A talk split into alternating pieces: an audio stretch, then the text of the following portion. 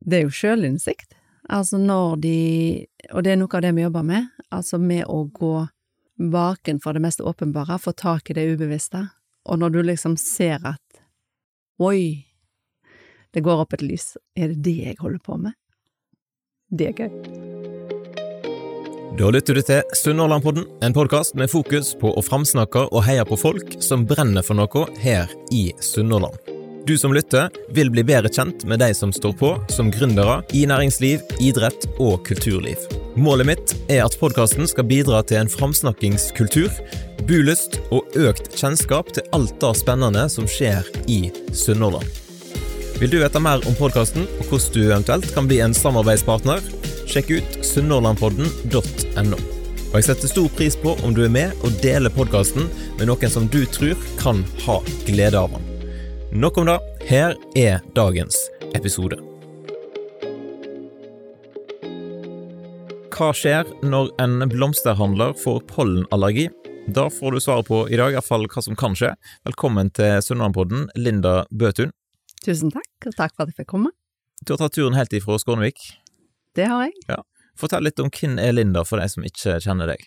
Linda, født og oppvokst i Skånevik, er gift med Frode og har en sønn på 21 som har kjøpt seg hus i bygda, og ei datter på idrettslinja som er på vei ut, som er snart 18. Men vi ta dette med, med pollenallergi med en gang, da. Altså, hva var det som skjedde?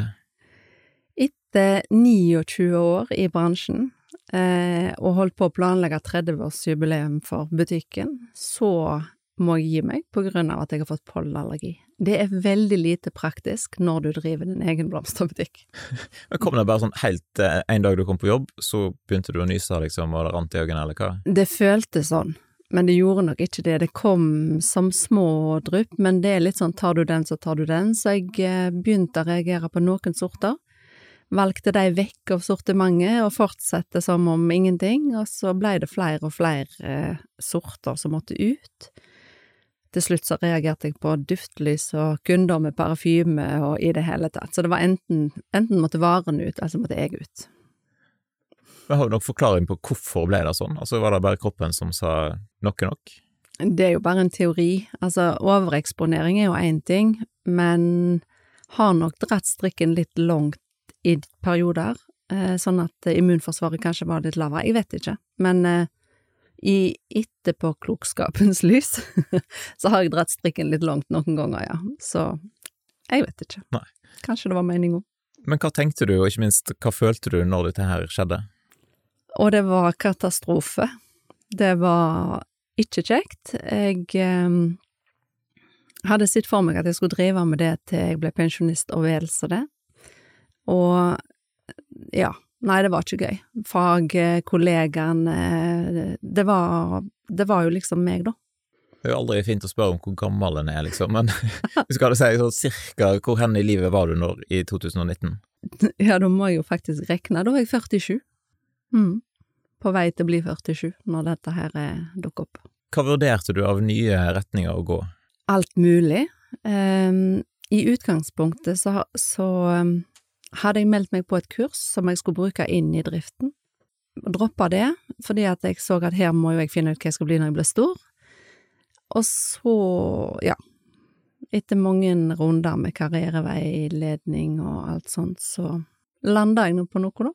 Ja, for du har jobba nå fulltid i noe som heter Zenit Business Coach eh, siden sommeren 2021. Mm. Hva er det for noe, og hvordan ser arbeidsdagen ut nå? Zenit Business Coach er, driver jo med det som ligger i navnet, coaching, eh, hovedsakelig mot eh, små og mellomstore bedrifter. Forretningsplanen er litt delt, 80 sikter jeg meg mot bedrifter, og lite grann, altså 20 går på eh, andre ting. Jeg jobber med kurs som jeg har lyst til å tilby til ungdommer, som forebyggende eh, styrker de eh, i forkant, og litt undervisning. Men hovedvekten er til små og mellomstore bedrifter. Ja. Utvikling. Vi skal komme tilbake igjen til hva dette her er for noe, Mm. men det er jo kjekt å bli litt bedre kjent. Vi tar en liten eh, tur tilbake igjen til oppveksten i Skånevik. Ja. For du er en Skånevik-entusiast. Ja. Hvordan var det å vokse opp i Skånevik? Det var veldig fint. Eh, veldig glad i bygda og veldig glad i hele distriktet. eh, sitter nå i Sunnhordlandsbodden, og vi sier at Skånevik er Sunnhordlands perle. Men eh, det kjente jeg, det kjente jeg veldig godt. Så det var en fin plass å vokse opp, absolutt. Jeg har rykte om at du spilte i korps mange år? ja, jeg var egentlig med på det meste som var mulig å være med på. Det var friidrett, og det var korps, og det var speider, og det var volleyball når det, etter hvert når det kom, og ja. Det er masse som skjer i Skånevik, har jeg sett. Ja, det er det. Ja. Mye som skjer, og det som ikke skjer, det får meg til å skje. Hva vil du si er det beste med å bo i Skånevik i dag, da? Nei, i den alderen jeg har nå, det er jo selvfølgelig naturen. Kvinnringene ler fordi at jeg skryter av utsikten, og da sier de at det er jo ikke løye, du ser jo over til oss, men nei, naturen, utsikt og folkene, det er en driv. Altså, det er noe med at eh, folk vil, eh, vil veldig masse der inne, og som jeg sa, hvis ikke tilbudet er der, så skaper vi det. Det tror jeg er det beste. Positive folk, og alle sier hei til hverandre. Det er, bra. Det er ikke sånn vanvittig mange innbyggere, har jeg forstått? Nei, det er ikke det, men, men jeg går ikke med på det som står på nettet. Det, der står det eh, at vi er rundt 600, men jeg har telt de, det er noen år siden, mens jeg drev butikken, som er i underkant av 1000, pleier jeg å si. Ja, sant. Så du kan ikke stole på Wikipedia? Nei. Rett og slett. Sånn, jeg får lurt litt på det, faktisk. Hvordan var det å drive en, en blomsterbutikk med såpass få eh, folk i bygd? Altså, kjøp, kjøper Skånevik-folket veldig masse blomster?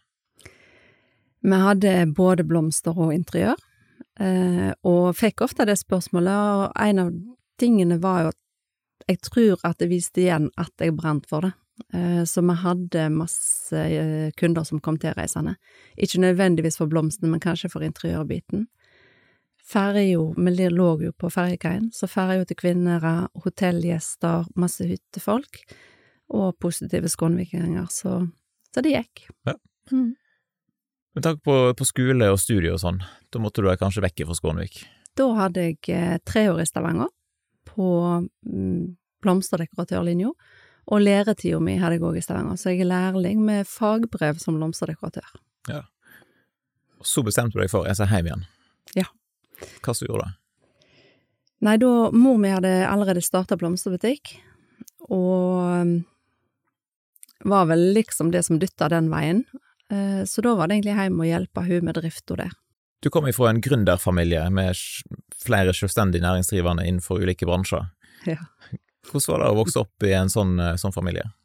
Jeg har ikke prøvd noe annet, men eh, nei, det var Det er jo helt klart at det har vært med å forme meg, både til å drive den blomsterbutikken og til å starte ny bedrift etterpå. Eh, Så jeg var stolt av de, veldig stolt av de. Alle fire besteforeldrene mine har drevet for seg sjøl, og alle tanter og onkler nesten, eh, på begge sider. Så i alle slags bransjer så har jeg eh, sett dette her med å drive, og er vel òg litt av grunnen til at jeg driver med det jeg gjør nå. For jeg har sett drift på nært hold, i balanse, eller mer eller mindre balanse med familie. Ja, for du nevnte for meg at, at du har sett noen familiemønster Ja. som kan føre en svært nær den berømte veggen.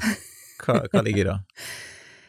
Nei, når jeg vokste opp med historier om farfar som alltid var på butikken, og nå drar jeg litt på alltid, men det var sånn, farfar var alltid på butikken, eh, og morfar han eh, var hjemme og spiste, og for ut igjen fordi at han skulle da være klar til Sunnhordland kom inn på kvelden klokka elleve, så som et bilde av at de jobba fra sju om morgenen til elleve om kvelden, ehm, så var det nå liksom sånn det skulle være, da. Det var bare til å gi på å jobbe. Ehm, så ja, det er et mønster. Det var om å gjøre å jobbe. Stå på og jobbe. Kunne komme unna med veldig mye hvis du bare stilte på jobb og eh, ga på. Og dette kunde, kundeperspektivet, eller kunden i fokus, er jo sånn som du får inn med morsmelka. Hvordan merker du det i ditt eh, arbeidsliv? Jeg hadde vel en tendens til ikke å gå hjem, jeg heller. Og det har jo med at en trives med jobben, og jeg likte det utrolig godt eh, den gangen når jeg drev butikken. Og det var kjempegøy å jobbe og lage ting og være der, og det var kjekt med kundene, og så var det òg deilig når jeg låste døra og jobba i fred etterpå, så jeg strekte nok den der. Etterpå så kan jeg se at jeg kunne nok kanskje gått hjem litt tidligere, litt oftere. ja. ja. Og så var du aktiv i utvikling av lokalsamfunnet òg, sant, og var med på ulike aktiviteter? Ja, var med på mye, og er engasjert Veldig lett å fyre opp, og veldig lett å engasjere. Så Og dette med at alt henger sammen eh, Så jeg sier jeg har alltid sagt at vi er avhengig av hverandre i Skånevik, men vi er egentlig det i hele distriktet. Eh, så det å få ting til å skje, det Så Skånevik bygdeutviklingslag og handelsstand og skape aktivitet, trivsel, er viktig for meg. Samtidig som du drev butikken, så drev mannen din eh, Frode Energikomfort, stemmer ikke Eller Energikom... Det stemmer det. Ja. Energikomfort, ja. I Skånevik. Mm. Ja. Hvordan var det med to, eh, to gründere i Det var travelt, og igjen, det hadde jo aldri gått hvis vi ikke bodde i Skånevik og hadde så mye familie som kunne hente unger i barnehagen og ta seg av dem. Så det var, det var veldig travelt, og, og kanskje Ikke kanskje, men helt klart en av disse innsiktene nå når jeg jobber mot små og mellomstore bedrifter og ledere som som vil mye og jobber mye, eh, dette med å balansere arbeid og fritid. Um, og hva det gjør uh, når du vil være begge plasser. Du vil være hjemme med ungene, og du vil være på jobb, og du vil være en god leder for teamet ditt, og du vil servere, altså, serve kundene bra. Og den derre skvisen som en da fort kan komme i, så jeg skulle svært gjerne ønske at jeg hadde hatt den kunnskapen jeg har nå, den gang. Og jeg leita faktisk etter en coach i den perioden, eh, når vi dreiv sånn, eh, fordi at jeg kjente at jeg trengte noen å prate med, noen nøytrale som ikke kom med gode råd, som selvfølgelig passet deg bedre enn meg.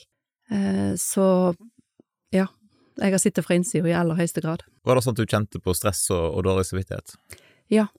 Dårlig samvittigheten, eh, den henger med, og den er en gjenganger hos oss, veldig mange av oss.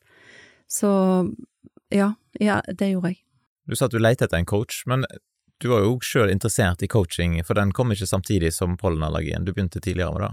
Ja, det gjorde jeg. Eh, det begynte i 2005, eh, og da var det jo Inger Karin på hotellet, som òg har vært gjest her, som hadde dette Skåne Bluesbygd-prosjektet, eh, og tilbød coaching. Så det var mitt første, med coaching i næring.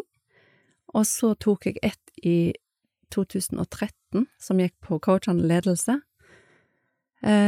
og hadde meldt meg på et nytt et som jeg skulle ta, som gikk enda dypere, igjen for å bruke det i butikken.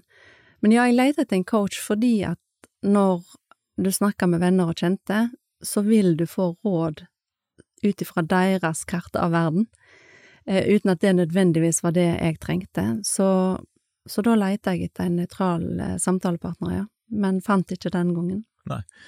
Hvis du skal forklare, hva er coaching, da? Jeg var faktisk litt inne på det her nå, dette med at eh, det er en likeverdig samtalepartner som har kunnskap og, om hvordan stille spørsmål, og en del mer.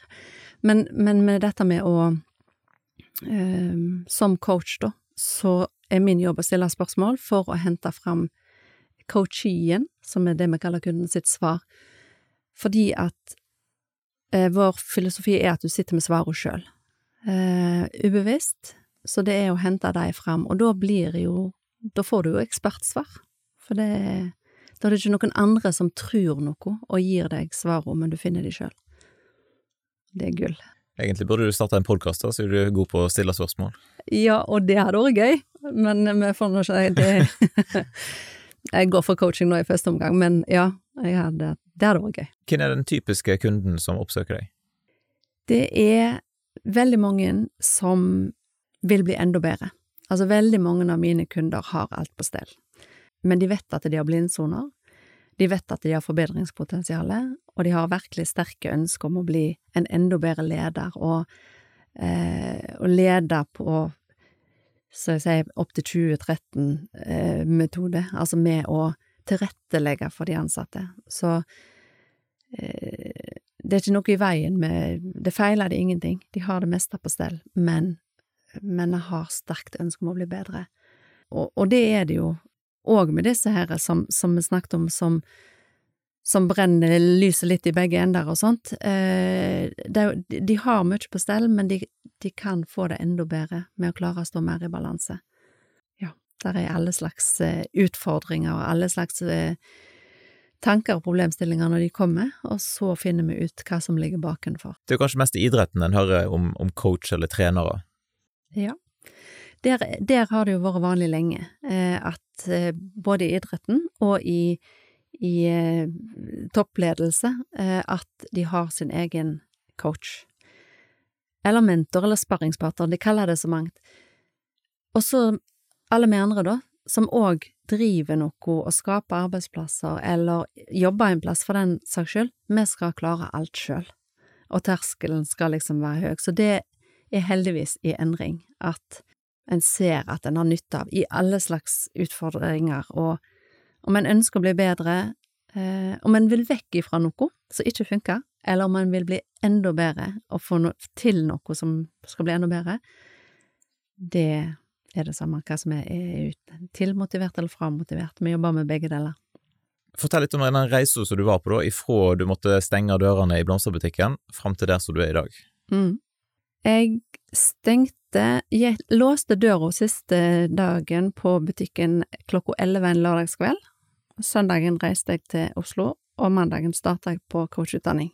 Og mens jeg holdt på med den, så jobba jeg parallelt i en byggebedrift noen prosenter der, og brukte butikken eh, min og teamet som jeg hadde der, eh, bedriften til mannen min, Energikomfort, elektrobransjen, og byggebransjen, som modeller mens jeg setter ny lærdom og ny kunnskap i system. Eh, og brukte det som modeller for hvordan jeg kunne bruke coachingen, og på hva måte jeg kunne hjelpe disse, både lederne, teamene og de ansatte i eh, bedriften. Eller bedriftene. Ja. Når bestemte du deg for at du skulle starte Zenit Business Coach? Det lå og lunka hele veien, eh, men eh, gikk noen runder for å finne ut hva retning jeg skulle ta, for hjertet mitt banka for to felt, og det ene var jo da ungdom, og dette med forebyggende psykisk helse, og det andre var eh, små og mellomstore bedrifter, eh, som som en som en grunnstein i alt jeg brenner for, altså med, med lokal altså lokal utvikling òg. Så det må være utvikling, om det er menneske, team, bedrift eller lokalsamfunn. Men ja, så, så det var litt begge veier. Så det tok litt tid å lande, og bestemte meg for å bruke erfaringen fra så jeg både bakgrunnen fra næringsfamilie og det å ha drevet sjøl, parallelt med mannen, og det jeg så når jeg var vanlig ansatt i en bedrift. Du har fått med deg litt flere på laget? Ja, det har jeg. Fortell litt om hvordan, hvordan ser uh, Zenit Business Coach ut i dag? Ja, Per nå så er vi offisielt fire samarbeidspartnere. Jeg har en større stall som jeg kan trekke inn hvis jeg trenger, um, og vi er lokalisert rundt i landet, så hovedsakelig så er det jeg som tar meg av Vestlandet. Men hvis jeg får såpass store grupper at jeg har behov for forsterkning, så har jeg eh, tre andre som har den samme grunnutdanningen som meg, eh, innenfor um, det som jeg kaller for NLP og nevrosemantikk. Eh, og så har vi litt ulike tilleggskompetanse, så, så, da trekker jeg de inn hvis det er behov, eller òg hvis jeg får eh, bedrifter som har flere avdelinger, så er det veldig praktisk. Så vi har to som server Kristiansand og Sørlandet, og to som server Oslo og Østlandet. Altså det er meg som fyker rundt overalt når det er spennende oppdrag. Hva vil du si er det mest spennende oppdraget du har hatt? Oi, ja, det tror jeg jeg hadde trengt litt forberedelsestid på. um, Nei, Det er litt nei, sånn å velge mellom hvem er favorittungen din, liksom? ja, Eller? og det, jeg er ikke så god på å velge, så det er jo et av disse eh, hotte tipsene, er å velge i kundegruppa. Så jeg syns jeg var veldig flink når jeg valgte bedrifter. Men så er det, det er veldig spennende å jobbe med ledere og mellomledere, eh, som starter med veldig ofte med sjølinnsikt, for det er jo det det handler om, å, bli kjent med sine egne tanke- og atferdsmønster og triggere. Eh, for så, altså så, så leder andre. Eh, men så er det veldig gøy med team òg, da, å få dynamikken til å funke, få irritasjonen til å bli respekt og forståelse istedenfor, ja, gnisninger. Så det kjekkeste er å se når det går et, som jeg sa til deg i stad, polletten detter ned, når du ser at det kommer lys på, og de har oppdaga noe nytt om seg sjøl som, som er viktig. Du har tatt flere kurs, eh, og jeg lurte på, har du hørt masse på Lynn i trekrem? Ferda til Mexico. Ja, sant, for det, det, det var bra at du tok den, egentlig. Ja. Være, jeg har sett masse på Team Antonsen i oppveksten, så det var der den var inne, liksom. Men eh, du, du har rett og slett reist til Mexico. Jeg har reist til Mexico. Hvorfor gjorde du det? Var det for å prøve å komme på rett kjøl? Det Ja. det kan du si. Ja da, det var absolutt på rett kjøl. Det var et utrolig spennende kurs, eh, som er en oppfølging til, til dette andre. Eh, det var egentlig fire kurs i ett. Eh, vi var 50-60 personer fra fem kontinent, 16 land, som alle skulle fordype oss i eh, det som heter nevrosemantikk. Nå lurer jo sikkert folk på hva i all verden er det for noe? Altså, jeg har jo googla litt og funnet ut at nevro da refererer til nevrologi, eller hjerne, og semantikk da refererer til betydning, betydning og språklig mening. Mm. Og hvis du setter de to sammen, Ja, hva blir det da? her så blir det innsikt i hvordan du setter sammen din egen virkelighet, ditt kart av verden, som vi sier, eller din matrix, hva som påvirker deg, og jobber veldig mye med eh, det ubevisste tankemønster. Det er en Vi, er så unike, og så er vi så like. Eh, og vi driver og jobber innenfor eh, en del kjente mønster, som vi kaller for metaprogram. Nå skal jeg passe meg for å bli for eh, nerdete her. Mange avanserte ord her på en gang. ja, men, men det handler om hvordan en, en setter sammen virkeligheten sin, eh, hvordan du oppfatter ting. Så det er mening og handling. Altså, hvordan tolker du det som skjer, og hva fører det til av handlinger hos deg, og hva er det som ligger bak at du velger å tolke det sånn, og hva er det som ligger bak at du velger den handlingsmåten etterpå. Var det Ja, jeg tror jeg forstår litt. Ja. Men hvordan så eh, dette kurset ut i Mexico? Lå dere på strand og eh, masse? Nei, nei, jeg fleipa med det at vi kunne like liksom godt vært i Nedre Vats. Ikke til forkleinelse for Nedre Vats, men, men det var veldig, veldig travelt. Vi jobba i tolv timer, eh, og når vi var ferdige med tolv timers økt, så var det bare til å gå og forberede seg til neste dag. Og sin egen presentasjon, og det var ikke sånn at du sitter og får påfyll, det er ikke vår utdannelse i det hele tatt. Eh, Det er lære, gjøre og lære å gjøre.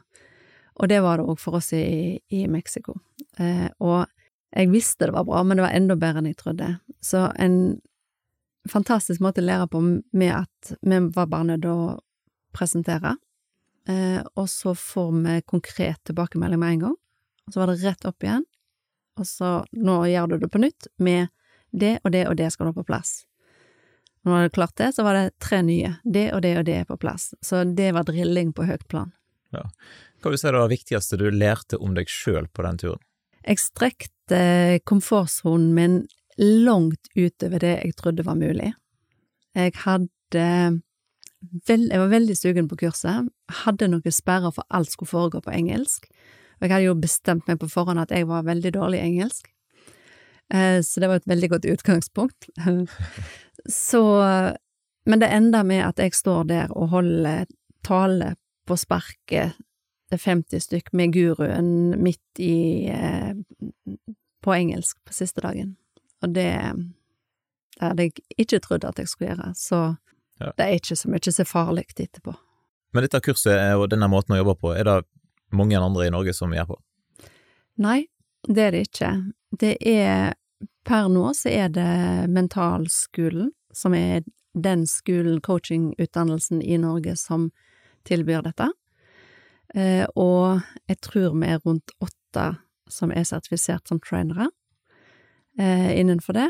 Eh, så det er ikke så mange, nei. Og så vidt jeg vet, så er jeg alene på Vestlandet. Hva gjorde at du oppdaget dette her, da? Altså, når jeg skulle velge coachutdanning, eh, så visste jeg at eh, jeg skulle drive med dette. Altså, jeg skulle drive med dette profesjonelt, eh, og valgte da en av de skolene som retta seg mest mot bedrifter, altså det å bli en business coach. Og der hadde vi da en av trainerne som var sertifisert i dette, og lærte oss det. Og, det er den veien, den retningen der, som skiller meg mest ifra de andre som er òg seriøse og profesjonelle coacher.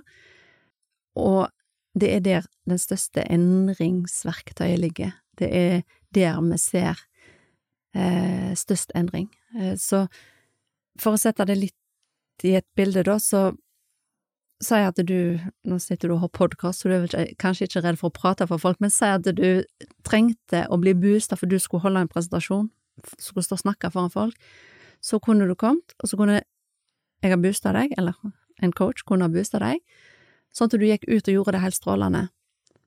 Eh, men neste gang så hadde du gjerne trengt å komme tilbake, eh, eller hvis du da plutselig skulle snakke i en annen setting.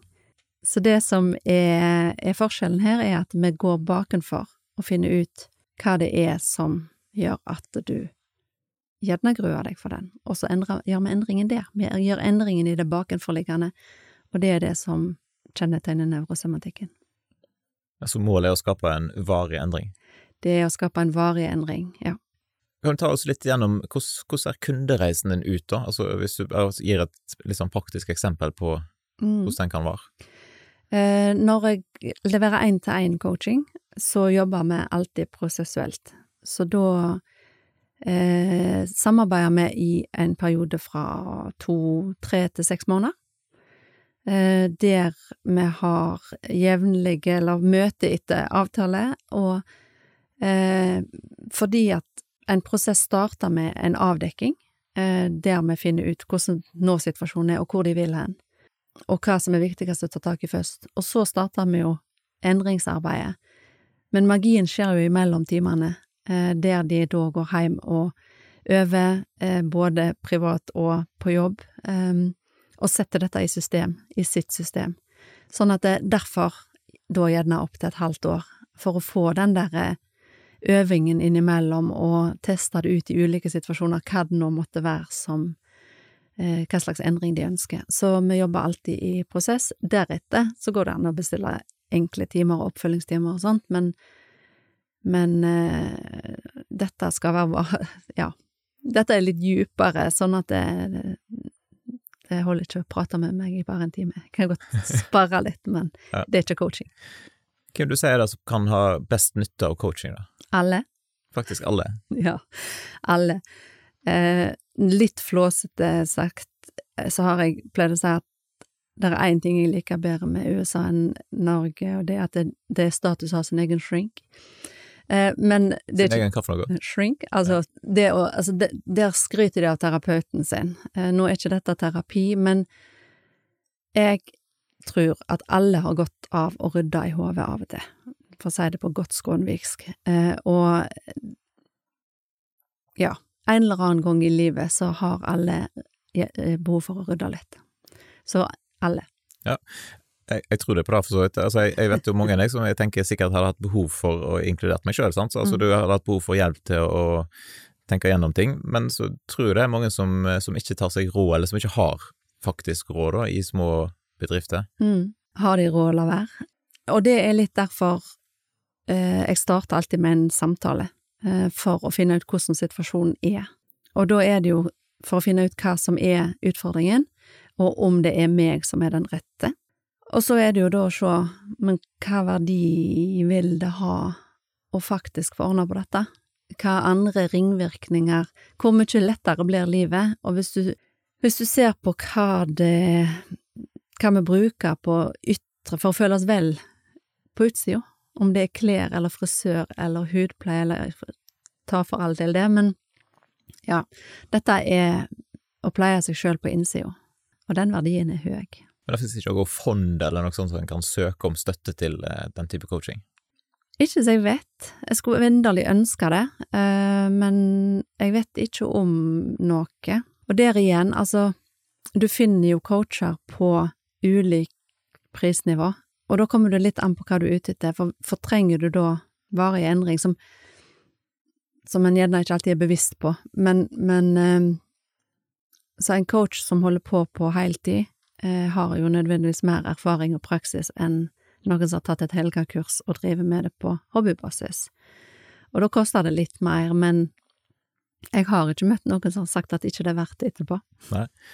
Så har du eh, noen gratis ressurser på nettsida di, ja? En eh, sånn PDF-sak som du kan laste ned gratis? Ja, det er det. Så små tips og eh, tips og triks, skulle jeg si. Jeg har en PDF på hvordan gjøre din arbeidsdag bedre. Og flere kommer der til å komme etter hvert, og inne på Facebook-sida. Det er den der jeg er mest aktiv, jobber litt med andre kanaler. Vil du òg kunne lese små eh, innlegg som kan sette ting i perspektiv, og så det er verdt å lese uansett. Det er sånne små, bare at en følelse er bare en følelse, en tanke bare en tanke, så jeg vil absolutt oppfordre å begynne der, og ta kontakt. Altså, det er, er, utrolig mange eh, både artikler og podkaster som kan lære deg ting, men og les det gjerne først, så er du enda mer forberedt, men skal du gjøre endringer og få tak i det ubevisste som gjerne ligger og troller, og som, som gjør at vi setter bein for oss sjøl, så er det en coachingsamtale. Jeg lurer på, Jobber du med mange ledere som egentlig ikke hadde noe mål om å bli leder? ja. Eh, jeg opplever at det er veldig mange eh, av de rundt omkring, eh, og jeg vet ikke om det er spesielt på småplasser, men nå er det det jeg er kjent, altså i distriktet her, både Sunnhordland og Haugalandet, så er det veldig mange håndverkere, for eksempel, som starter for seg sjøl for å skape sin egen arbeidsplass. Og så renner oppdragene inn, eh, og så ansetter de, fordi at eh, de skal holde unna og serve disse kundene, og så plutselig så er de leder. De har aldri tenkt på å bli leder, kanskje ikke hatt lyst til å bli leder, og sitter av og til da på et kontor og savner den praktiske jobben.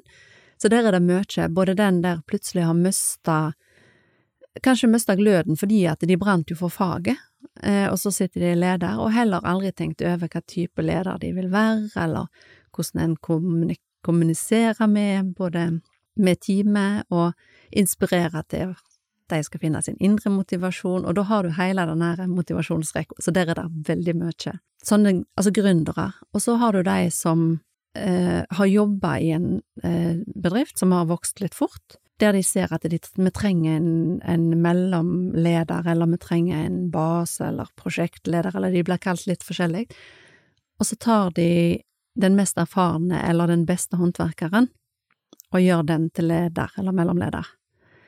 Og med det så får de kanskje en passelig god leder, og så mister de den beste håndverkeren sin.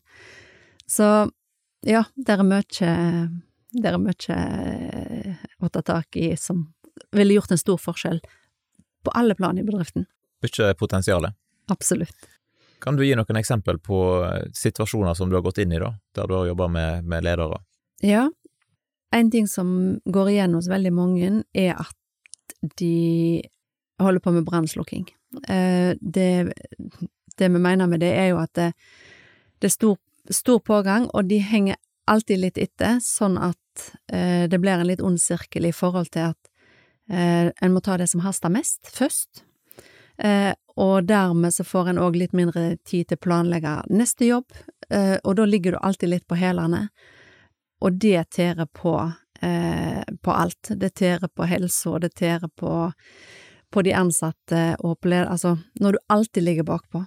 Så det å eh, stå Noen perioder er jo bare travle, og da må du ha verktøyene til å stå i det.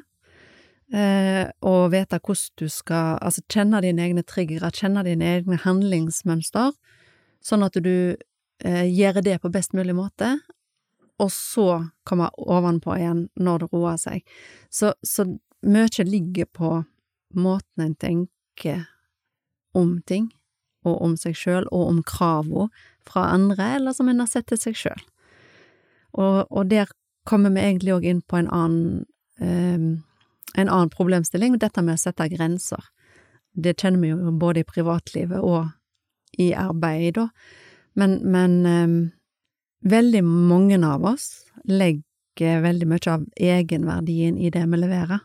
Det er et mønster som går igjen, ikke bare hos ledere, men hos veldig mange.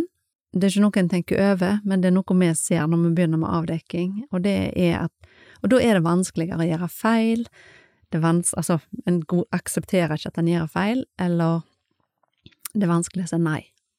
Sette sammen det ordet med en og ei er veldig vanskelig for mange. Det blir ja, ja, ja, og så har du dratt strikken for langt. Så om ikke det er akkurat problem... Det, det kjente mønster hos veldig mange, eh, som kanskje kommer med ulik problemstilling i utgangspunktet, men så havner vi ofte der. Ja. Du har jo endra kurs fra blomster til eh, å få mennesket til å blomstre, da, for så vidt. Ja. Hvordan har det vært å, å redefinere seg sjøl som en sånn 45 pluss-person? Eh, det var det, det, gikk bedre enn jeg trodde. Um, og så har jeg oppdaga, etter hvert som jeg lærte dette her eh, enda mer da, med, med, med faget, at jeg òg identifiserte meg i aller høyeste grad med butikken. Jeg eh, Når jeg fikk spørsmål jobber du ikke veldig mye, jo jo, men det er en livsstil. Og eh, jeg er butikken, og butikken er meg, og, og, jeg mente det. Jeg mente det helt inn i hjerterota at eh, vi var ett. Det var en livsstil. Så jeg kunne virkelig gått på en smell når jeg da måtte gi fra meg butikken, for hvem er du da? Eh, og si at du har den Vi har den veldig mange, sant, og der kunne det blitt veldig tøft, for når jeg da ikke var butikken, hvem er jeg da? Men heldigvis så klarte jeg det, jeg er fortsatt Linda, og eh, hadde den tanken da òg, og jeg klarte å ta tak i hva er det med å drive den butikken som er så spennende, da? Eh, hva er det jeg liker? Og det er jo dette med å skape noe. Eh, skape utvikling. Eh, være en del av et større tannhjul, altså som jeg var med å ha en butikk i, i Skånevik sentrum. Så det var jo med å holde liv i bygda. Så, så jeg hadde lenge vært veldig oppmerksom på ringvirkningene av eh, butikken med arbeidsplassen og alt sånt. Så, så, den var grei, men jeg var fortsatt opptatt av utvikling og skape. Og hvis ikke jeg skaper min egen bedrift og utvikling der, så kan jeg gjøre det hos andre. Altså skape, hjelpe andre å skape utvikling hos deg. Og det er minst like tilfredsstillende, kanskje enda mer. har du blitt flinkere til å koble ut, da? Ja, det har jeg. Det kan være at jeg begynte litt før, for jeg, eh, jeg flytta eh, et år før jeg eh, I bygda, selvfølgelig, men et år før jeg måtte gi meg, og, og hadde da så store, fine vinduer at jeg ble sittende og se på utsikten, så jeg hadde allerede begynt å sitte litt mer i ro, men men verktøyene nå er Jeg bruker de sjøl hver eneste dag. Så i forhold til hva som skal få lov til å påvirke meg, hva som skal få lov å skape stress. Eh, er dette noe jeg skal fyre på, skal jeg fyre på det nå? Så i eh, balansen i energiregnskapet kan ikke sammenlignes eh, før og etter coachingutdannelsen. Hvis noen lytter nå og tenker at dette med coaching det høres jo interessant ut, og kanskje har lyst til å vite mer om hva du kan tilby, ja. hvor er det de finner deg best? De, jeg har en nettside som heter zenit-businesscoach.no. Um, og så er jeg på Facebook. Den heter per nå Zenit Linda Bøtun. Uh, det er de to som er lettest å finne. Der er en Instagram-konto og en LinkedIn, men uh, ja. Ja, jeg legger òg inn eh, lenke til disse tingene i podkastbeskrivelsen, så en kan bare klikke seg inn der hvis en vil, da. Flott. Eh, men til slutt, vi må jo nevne at du òg har engasjert deg politisk. Ja. Selv om ikke dette skal være en sånn politikkpod. Men hva er grunnen til at du har gjort det? Det er flere grunner. Jeg har sagt nei i mange år, men veldig mange av de grunnene var vekke. Så han godeste som verva meg, han hadde noe du lærer mye, og det liker jeg. Og dette med at det er en dugnad. Og noe av det som jeg da møtte meg sjøl med, er at jeg eh, har vært veldig på at eh, vi må få inn folk, så at demokratiet står i fare hvis ikke folk tør å gå inn, eller orker gå inn, eller Så jeg vil gjerne ha et mangfold av folk inn.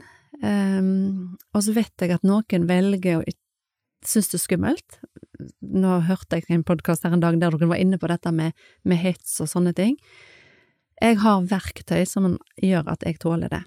Verktøy som jeg òg gjerne ønsker å tilby andre politikere som, som syns at akkurat den biten er litt skummel, eller som kanskje noen som brenner for å gå inn, som ikke tør av den grunn. Så det å kunne stå stødig i sånne stormer, det, det mestrer jeg jo sjøl nå, og kan vil gjerne dele med andre. Og så er det dette selvfølgelig med lokalsamfunnet, og um, jeg er veldig, veldig fokus på og opptatt av eh, helheten, eh, og næringslivet som grunnmur for hele distriktet vårt. Vi vil ha folk som bor i hele Sunnhordland og Haugalandet, og da må vi ha jobb. Og samme hva du måtte brenne for, samme hva du vil ha, om det er speideren eller kor eller helsestasjon eller omsorgssenter, så må vi være mange nok, eh, og da må vi ha arbeidsplasser. Så alt henger sammen. Det er ingen av oss som klarer oss alene. Eh, så, så, hvis jeg kan bidra der, både med å engasjere, få flere med i politikken, få de inn i grupper, de nesten samme hvor de melder seg inn, bare de engasjerer seg, og gjerne ungdom. Eh, få flere til å flytte hjem.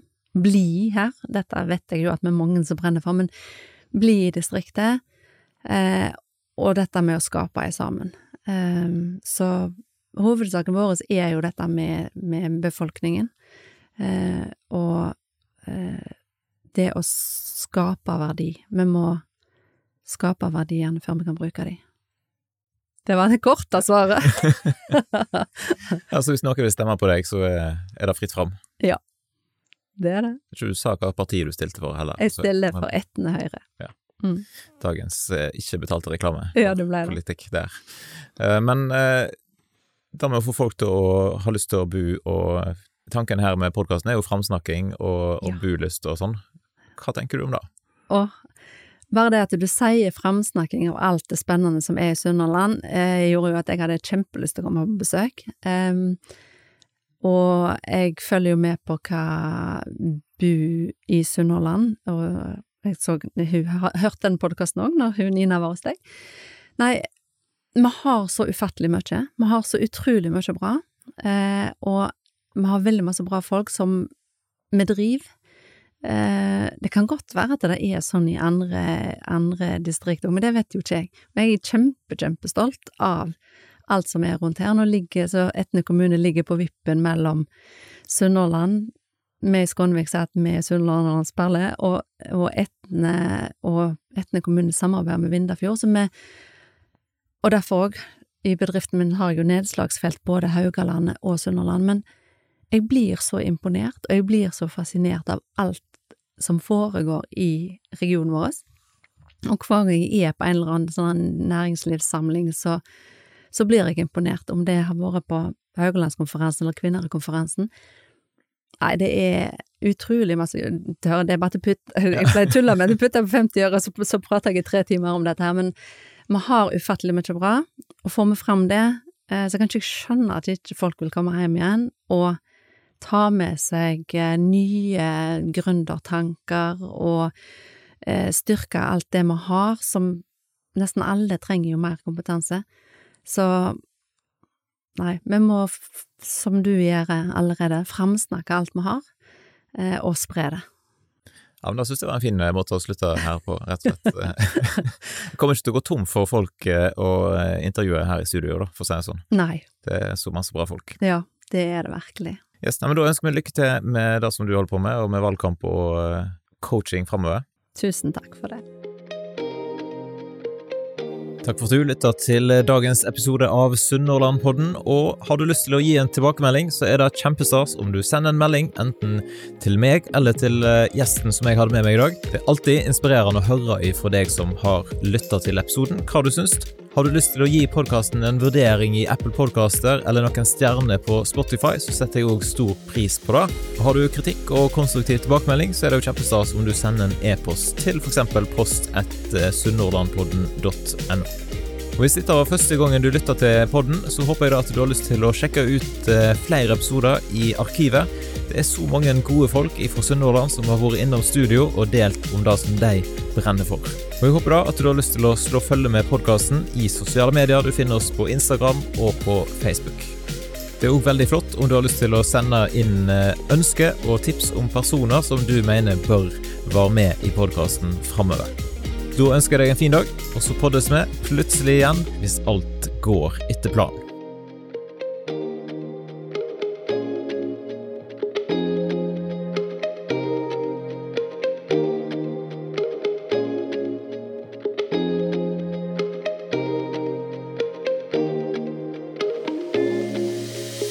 Podkasten er produsert av Kjetil Fyllingen.